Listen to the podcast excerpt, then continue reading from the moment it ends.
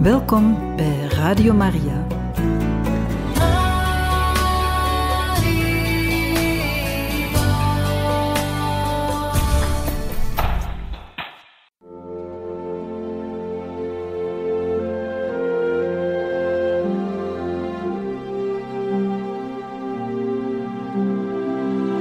Beste luisteraars van Radio Maria, welkom bij het programma Catechismus.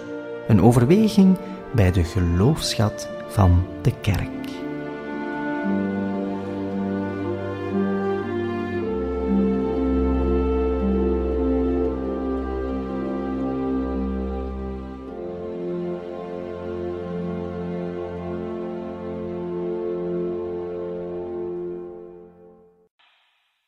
Van harte welkom, beste luisteraars, bij het programma Catechismus. Momenteel loopt een reeks over de twaalf artikelen van ons christelijk geloof, gegeven door priester Daniel de Witte. In vorige catechese heeft hij stilgestaan bij het openbaar leven van Jezus aan de hand van de eerste drie mysteries van het licht.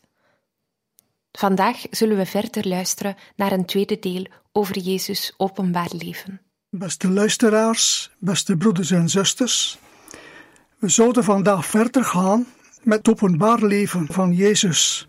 Aan de hand van de mysteries van het licht die wij overwegen in ons rozenkransgebed. Kom, Heilige Geest, vervul de harten van uw gelovigen, ontsteken hen het vuur van uw liefde. Zend uw geest uit en we zullen herschapen worden, en gij zult het aanschijn van de aarde vernieuwen.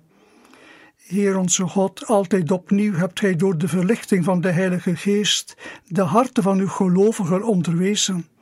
We vragen ook vandaag om waar inzicht en om de juiste kennis van Jezus Christus, uw geliefde Zoon. Amen. Dan kom ik aan ons vierde mysterie van het licht, de wonderbare gedaanteverandering op de berg Tabor. Je vindt dat bijvoorbeeld bij Marcus hoofdstuk 9. Maar de andere evangelisten hebben dat ook. Zeker Matthäus en Lucas. Jezus voelt alleen dat zijn woord niet aangenomen wordt. Dat de mensen, en zeker de leiders, hem niet aanvaarden als de Heer en God zijn Vader nog veel minder. De mensen laten God hun God niet zijn, laten God de Heer niet zijn in hun leven. En de testcase zou zijn Jeruzalem. En dan gaat Jezus daar naartoe om te zien of de leiders van het Joodse volk nu hem zullen aanvaarden en Gods koninkrijk meteen ook, of ze God de Heer zullen laten zijn of niet. Dat is de testcase. Zal, dat, zal Jezus' woord aangenomen worden of niet? Jezus weet dat dat niet het geval zal zijn. Hij zal niet aangenomen worden. En daarom voorspelt hij tot driemaal toe zijn lijden. De mensenzoon zal overgeleverd worden in de handen van de zondaars en van de overheden. Ze zullen hem geestelijk kruisigen. Hij zal veel te lijden hebben, maar op de derde dag zal hij verrijzen. Maar ondertussen brengt dat de leerlingen, de apostelen van Jezus, ook de leerlingen die gaan volgen. Het is een hele groep, niet alleen die twaalf, er zijn ook vrouwen bij die Jezus volgen. Een hele groep, een hele menigte volgt Jezus. En wij zijn allemaal geroepen om Jezus te volgen, na te volgen. Maar Jezus voelt dat zijn leerlingen bang worden.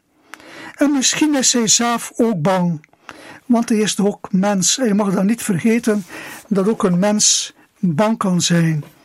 Hij ziet dat lijden voor zich. En daarom neemt Jezus op een bepaald moment drie leerlingen met zich mee, Petrus, Johannes en zijn broer Jacobus, naar de berg Tabor. En daar bidt Jezus, misschien ook vanuit zijn eigen angst, maar dan begint zijn, dan begint zijn gelaat te stralen. Zijn kleren worden verblindend wit. En de drie leerlingen zien dat er twee mannen bij hem komen. Het zijn Mozes en Elia. Mozes, dat is de wet, dat is de Torah. Aan hem heeft God ooit op de Sinaï de Torah gegeven, de stenen tafelen, de tien geboden en heel de Torah. En Elia, dat is de vertegenwoordiger van de profeten. Mozes, dat is 1200 voor Christus, Elia, dat is 900 voor Christus. Heel de Bijbel spreekt eigenlijk van het lijden en sterven van de Messias. En Jezus heeft het Oude Testament heel goed gelezen en vervult het. Ook in het vorige punt had ik ook moeten zeggen, Jezus vervult het Oude Testament. Hij brengt Gods koninkrijk. Hij doet wat in het Oude Testament staat over de Messias. En over God. Hij doet eigenlijk zelf wat God doet. Goed. In een visioen mogen de leerlingen nu zien wie Jezus in werkelijkheid is. Gods heerlijke Zoon, die ze anders zien verborgen in ons donkere vlees, zo zeg ik het graag. Jezus, die man met het, met het zand van de, van de wegen tussen zijn, in zijn sandalen en tussen zijn haren, deze Jezus is in werkelijkheid de heerlijke Zoon Gods. Maar je ziet dat niet, hij is verborgen in ons donkere vlees. Was in, de tijd ooit een boek dat heel mooi, dat, dat in de titel dat zegt, Jezus, daar gaat God. Jezus, die man met het zand in zijn haren en tussen de riemen van zijn sandalen. De leerlingen zien dus werkelijk wie Jezus is, waar hij naartoe gaat.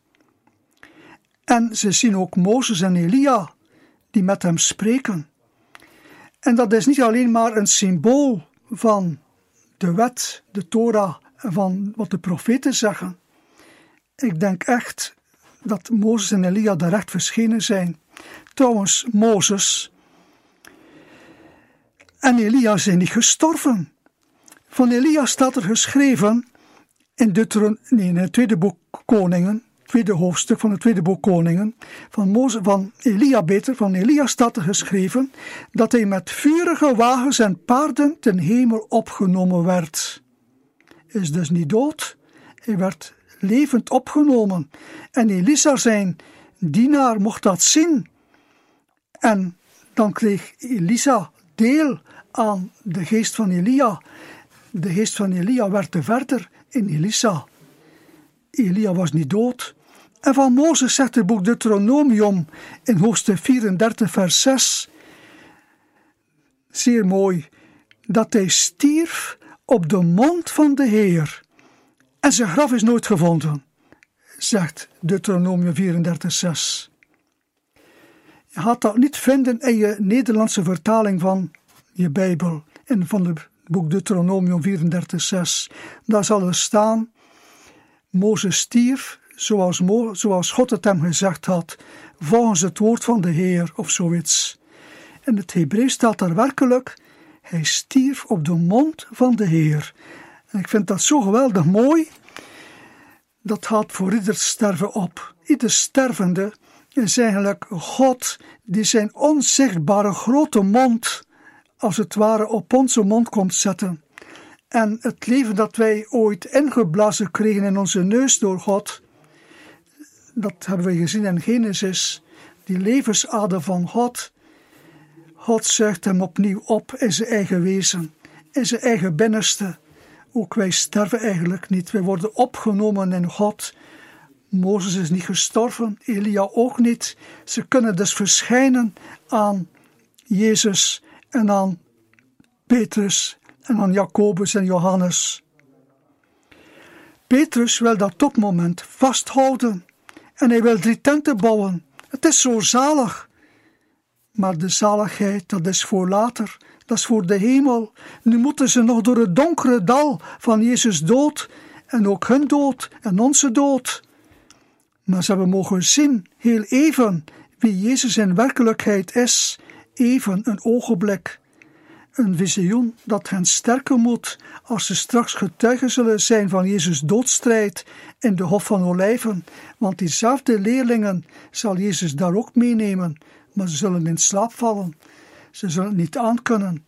Maar Jezus geeft hen hier die bemoediging om dat ze het wel, opdat ze het wel aan zouden kunnen in dat bittere uur van Jezus dood. Het is dus een visioen ter bemoediging maar het kan niet blijven duren. En daar zegt God ook: Dat is mijn welbeminde zoon. Ook al had hij de dood in, luister naar hem. Luister naar hem.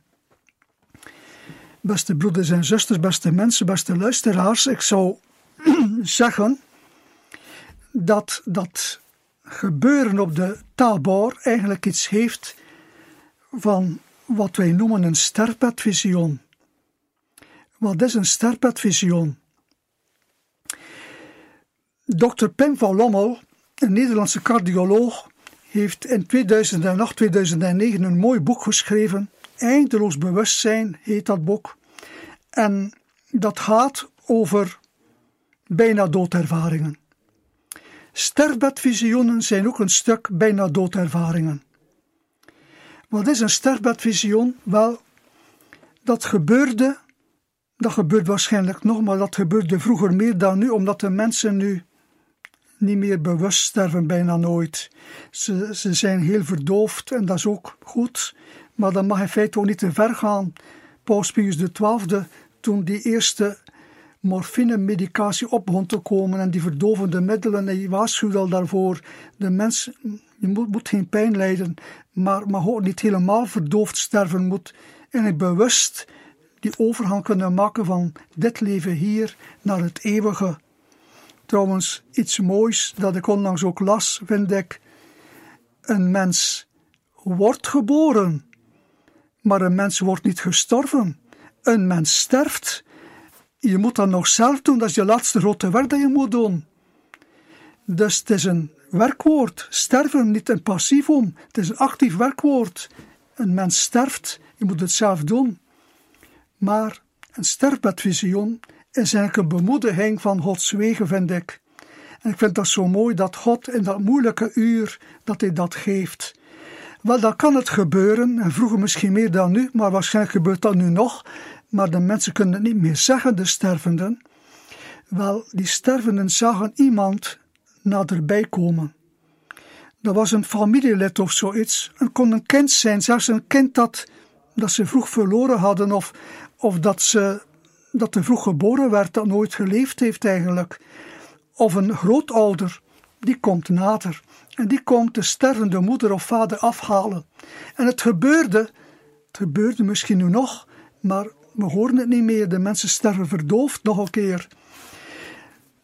Er zat een dochter of een zoon, of wie dan ook, te waken bij die stervende moeder of vader.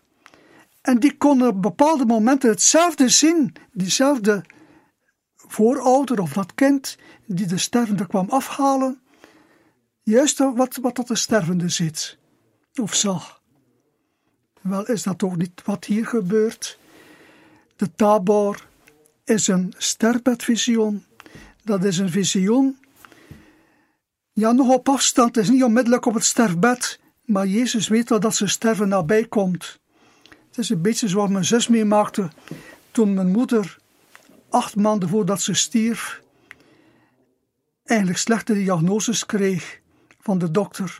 En mijn zus dan ook, en wij ook allemaal slechte diagnoses, goeie, geen goede vooruitzichten.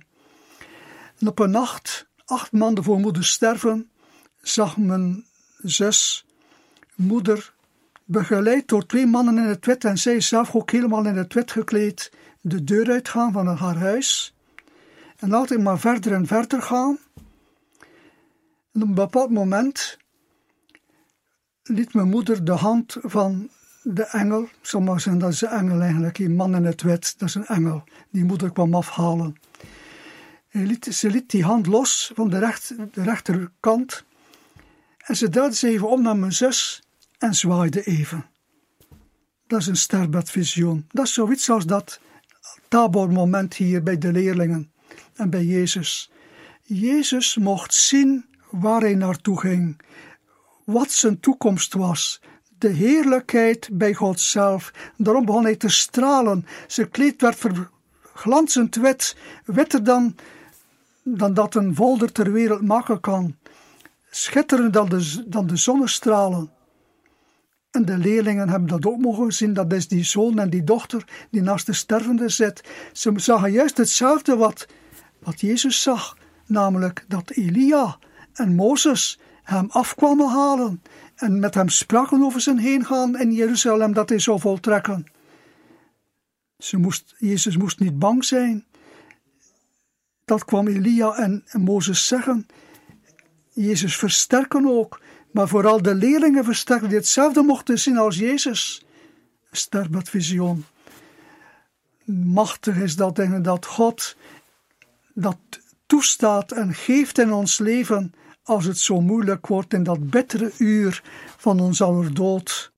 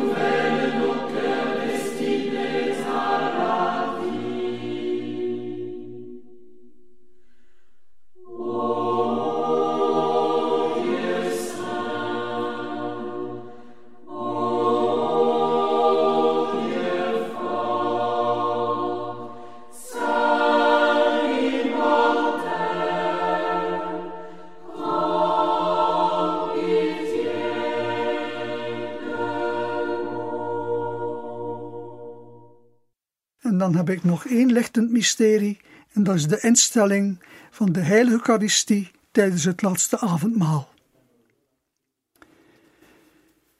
Ja, het kwam zover dat Jezus in Jeruzalem was. Hij had zijn blijde intocht gehouden. De testcase, zouden de leiders hem aanvaarden of niet? En een ogenblik leek het erop van wel. Die Palmzondag was heerlijk. De mensen plukten palmen en, en, en, takken van de bomen en spreidden hun mantels uit voor Jezus die op een ezeltje binnenkwam gereden als een nederige koning. Niet, op een, niet een koning op een vier paard, maar een dienaar, Jezus de leidende dienaar. Zo komt hij binnen en hij wordt, hij wordt ontvangen, maar het zal niet lang duren. Op Goede Vrijdag, vijf dagen later, klinkt het al aan het kruis met hem wat op Palmzondag nog was, Hosanna, Hosanna in de hoge.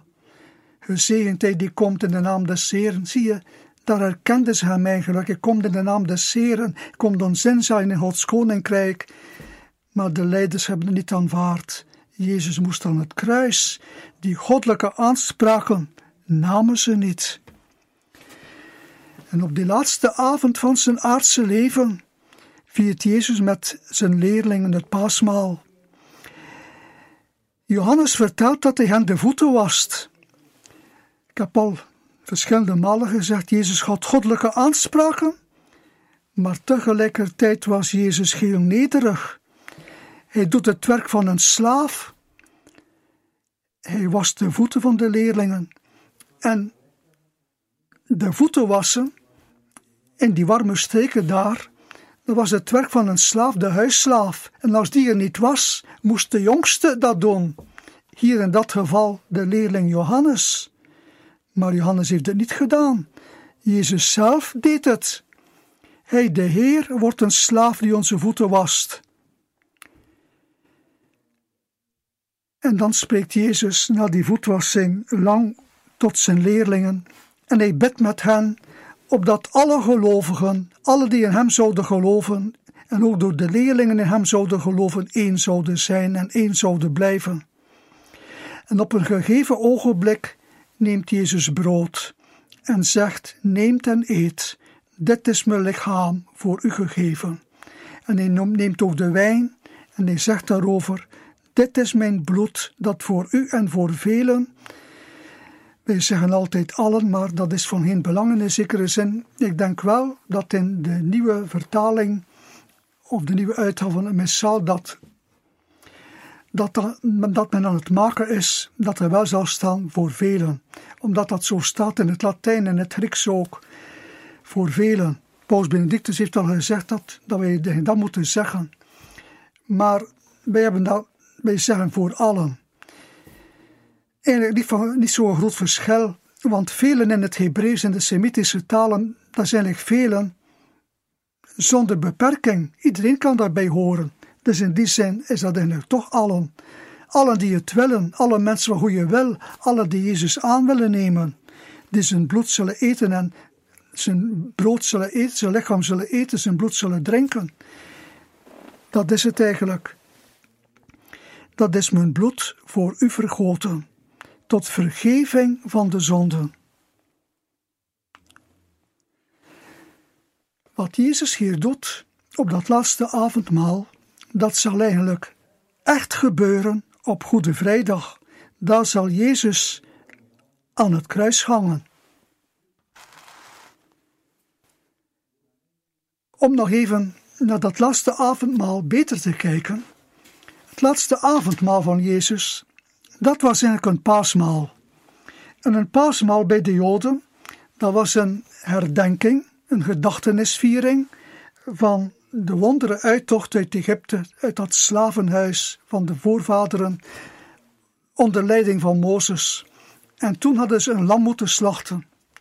En de deurposten, de deurstijlen, daarmee met het bloed van dat lam besprenkelen of bestrijken, dan zou de verderfengel voorbij gaan. De verderfengel, God tegen die die de Egyptenaren zo ver wilde dwingen dat hij zijn volk dat zij zijn volk lieten laten gaan, zouden laten gaan. Dus die doorposten moesten worden bestreken met dat bloed en dan werden de eerstgeborenen van de Joden niet gedood.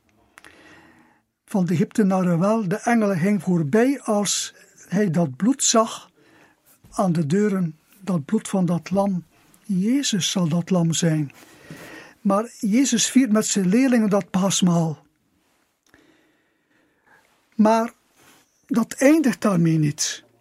Dat paasmaal met bittere kruiden, het lam dat ze aten, het paaslam, dat Jezus zelf zal worden, want ze eten dat moment eigenlijk, ja, dat ongeveer de, de paaslammen worden geslacht in de tempel en zo. En is allemaal rond die tijd. De evangelisten verschillen wel eventjes Johannes is een dag later of eerder dan. Maar goed, Jezus is het paaslam, daar gaat het eigenlijk over. Maar hij viert ook het paasmaal met zijn leerlingen. Maar hij laat dat paasmaal volgen door wat de Joden dikwijls deden: een dankmaal. Een dankoffer. Dat heet een todagmaal of een todagoffer. Wat was een toda? Een toda was eigenlijk een dankoffer om God te danken ja, voor de redding uit een grote nood. En dan, dat begon, dat bestond uit twee delen. Eerst een bloedig, dierlijk offer in de tempel, op het altaar van de tempel. En dan een ritueel breken van brood en drinken van wijn met zegeningen, met vrienden en familie, om God te danken voor een wondere redding uit ziekte of uit een gevaar of zo. Dat doet Jezus hier ook. Jezus heeft dus het paasmaal genomen en gebruikt met zijn leerlingen het lam gegeten met bittere kruiden. Herdenking aan de uittocht uit Egypte, toen de voorvaders dat ook deden. Dat moest altijd ieder jaar opnieuw herdacht worden. Maar Jezus viert ook een todagmaal. Maar hij keert de volgorde van die ritus van het todagoffer om. Namelijk eerst het ritueel eten van brood en het ritueel drinken van wijn met zegeningen. En het bloedig offer, dat is voor Goede Vrijdag, dat is voor Sanderedaags. Dan zal Jezus zelf dat bloedig dierig offer zijn. Zijn eigen lichaam zal het offer worden op het kruis. Maar nu, het is onder, in de overhang beter, van paasmaal naar todagmaal, dat Jezus de Eucharistie instelt. Paulus heeft daar mooie herinneringen aan. Uit de overlevering, hij was daar zelf natuurlijk niet bij, heeft dat overgeleverd gekregen. En we lezen dat bijvoorbeeld op Sacramentsdag van het jaar A in de tweede lezing van Paulus aan de Corinthiërs. Geef niet het brood dat wij breken gemeenschap met het lichaam van Christus. Heeft niet de beker der zegeningen die wij zegenen gemeenschap met het bloed van Christus. Wel, dat doet Jezus in dat todagmaal. Hij zegent dat brood. Hij spreekt daar zegeningen over uit. En hij zegent ook de beker met wijn. En hij laat alle daarvan eten en drinken. En op een bepaald moment zegt hij: Dat is mijn lichaam, dat is mijn bloed. Dat ik hem morgen zal geven, helemaal voor jullie op het kruis. Ik ben dat, dat dierenoffer, dat bloedig dierenoffer. Maar het is mijn lichaam dat ik zal geven. Ik zal zelf mij geven. Omdat jullie en de Joodse leiders het niet toestaan dat ik God de Heer wil laten zijn over jullie leven, dan zal ik het zelf maar doen, zegt Jezus. Ik zal mij geven ten einde toe op het kruis en ik zal daar plaats vervangen tegen jullie aller plaats. God de Heer laten zijn voor mijn leven en ook over jullie leven. Dus het is in de overgang van paasmaal naar todagmaal dat Jezus in de Eucharistie instelt. Zo schijnt het. En dat is heel aannemelijk. En een pittig detail daarbij is eigenlijk dat in een todagmaal, in tegenstelling met een paasmaal, dat daar geen ongedissen brood wordt gebruikt, maar gewoon brood. Brood, het dagelijks brood, waar wij het onze Vader om bidden. Ton epiousion, epiousios, dagelijks, men heeft het in het Latijn vertaald met supersubstantialis, boven substantieel, boven natuurlijk. Men weet niet goed wat dat betekent. Dat is, dat woord epiousios komt maar één keer voor, het dagelijkse brood. Epiousion arton, of arton epiousion. Dat komt maar één keer voor, juist in onze vader. Maar hier wordt het duidelijk, dat is gewoon brood met deze erin van vandaag om brood te maken voor morgen. En morgen met de deze voor morgen, voor het brood van overmorgen. En zo tot Jezus wederkomt. Eigenlijk is dat heel mooi. Dat brood dat Jezus zegent en maakt tot zijn lichaam, dat is eigenlijk het dagelijkse brood. Het brood van iedere dag, gewoon brood is met andere woorden. En dat gaat door tot Jezus wederkomt. We zeggen dat toch ook in de Eucharistie. En wij beleiden tot gij wederkeert dat gij verrezen zijt. Dat is het. Nog een vraagje. Als dat nu zo is, als Jezus bij de Eucharistie-instelling gewoon brood nam, moeten wij dan ook gewone boterhammen nemen om te consacreren in de Eucharistie? Beste broeders en zusters, beste luisteraars, dat zou eenvoudigweg dom en dwaas zijn niet verstandig. Want dat zou ons dan juist nog meer wegdrijven van Jezus, die zijn lichaam heeft en zijn bloed aan ons. We zouden hem helemaal niet meer herkennen in een boterham. Dat is dan gewoon brood, dat, dat, dat zou geen betekenis niet meer hebben, niet meer die, die sacramentele waarde. En een sacrament, dat is de Eucharistie, maar een sacrament is ook altijd de ritus.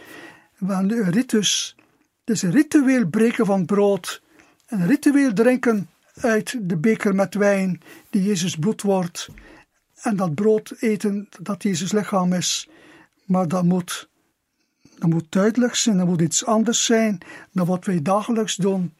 Maar het is niet onbelangrijk om dat dit toch even te vermelden, dat Jezus eigenlijk in voorbereiding van de dag van, van Goede Vrijdag eigenlijk gewoon brood nam, brood met deze van vandaag, om brood te worden voor morgen en zo verder morgen voor overmorgen, totdat hij wederkomt.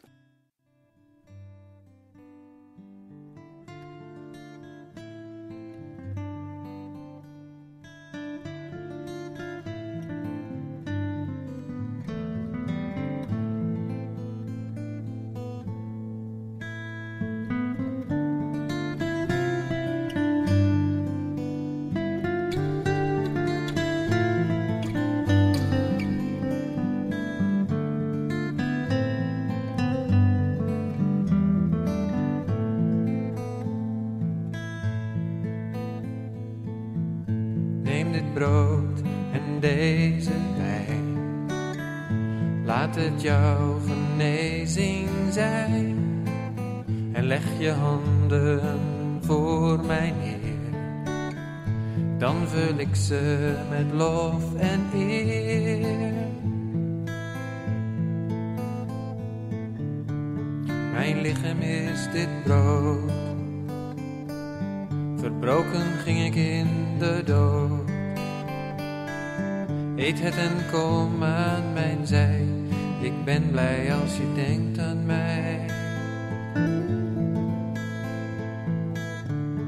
Mijn bloed is deze wijn. Omdat het stroomde ben je rijk. De kracht die vrijkomt door mijn bloed verslaat de dood, maakt alles goed. Neem dit brood en deze wijn. Laat het jouw genezing zijn. En leg je handen voor mijn Heer. Dan vul ik ze met lof en eer.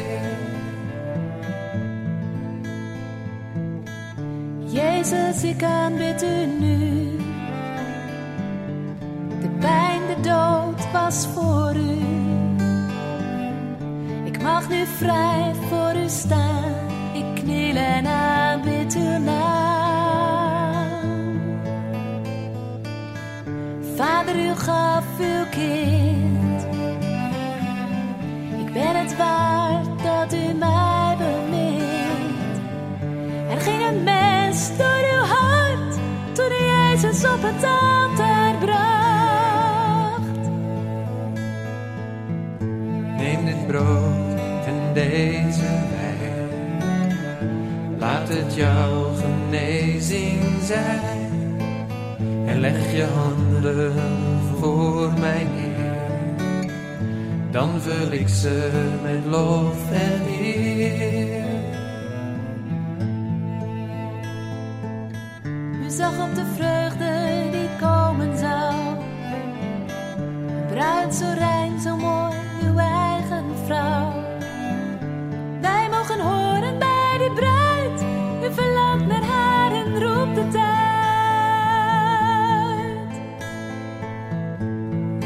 hou zoveel van jou.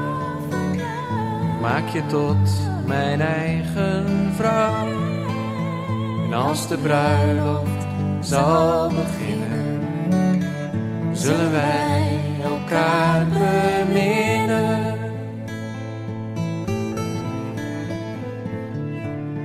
Omdat ik van je hou, maak ik je tot mijn eigen. Bereid je voor, je zal me zien. In mijn armen zal ik je verwarmen. Neem dit brood en deze wijn. Laat het jouw genezing zijn. En leg je handen voor mij neer. Dan vul ik ze met lof en eer.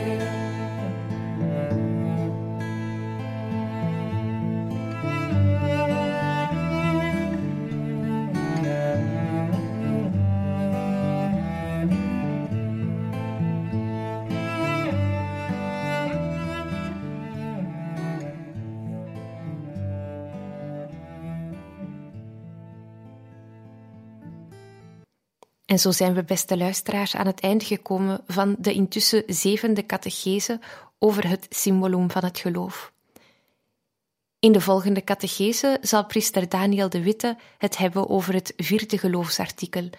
Jezus heeft geleden onder Pontius Pilatus, is gekruisigd, gestorven en begraven.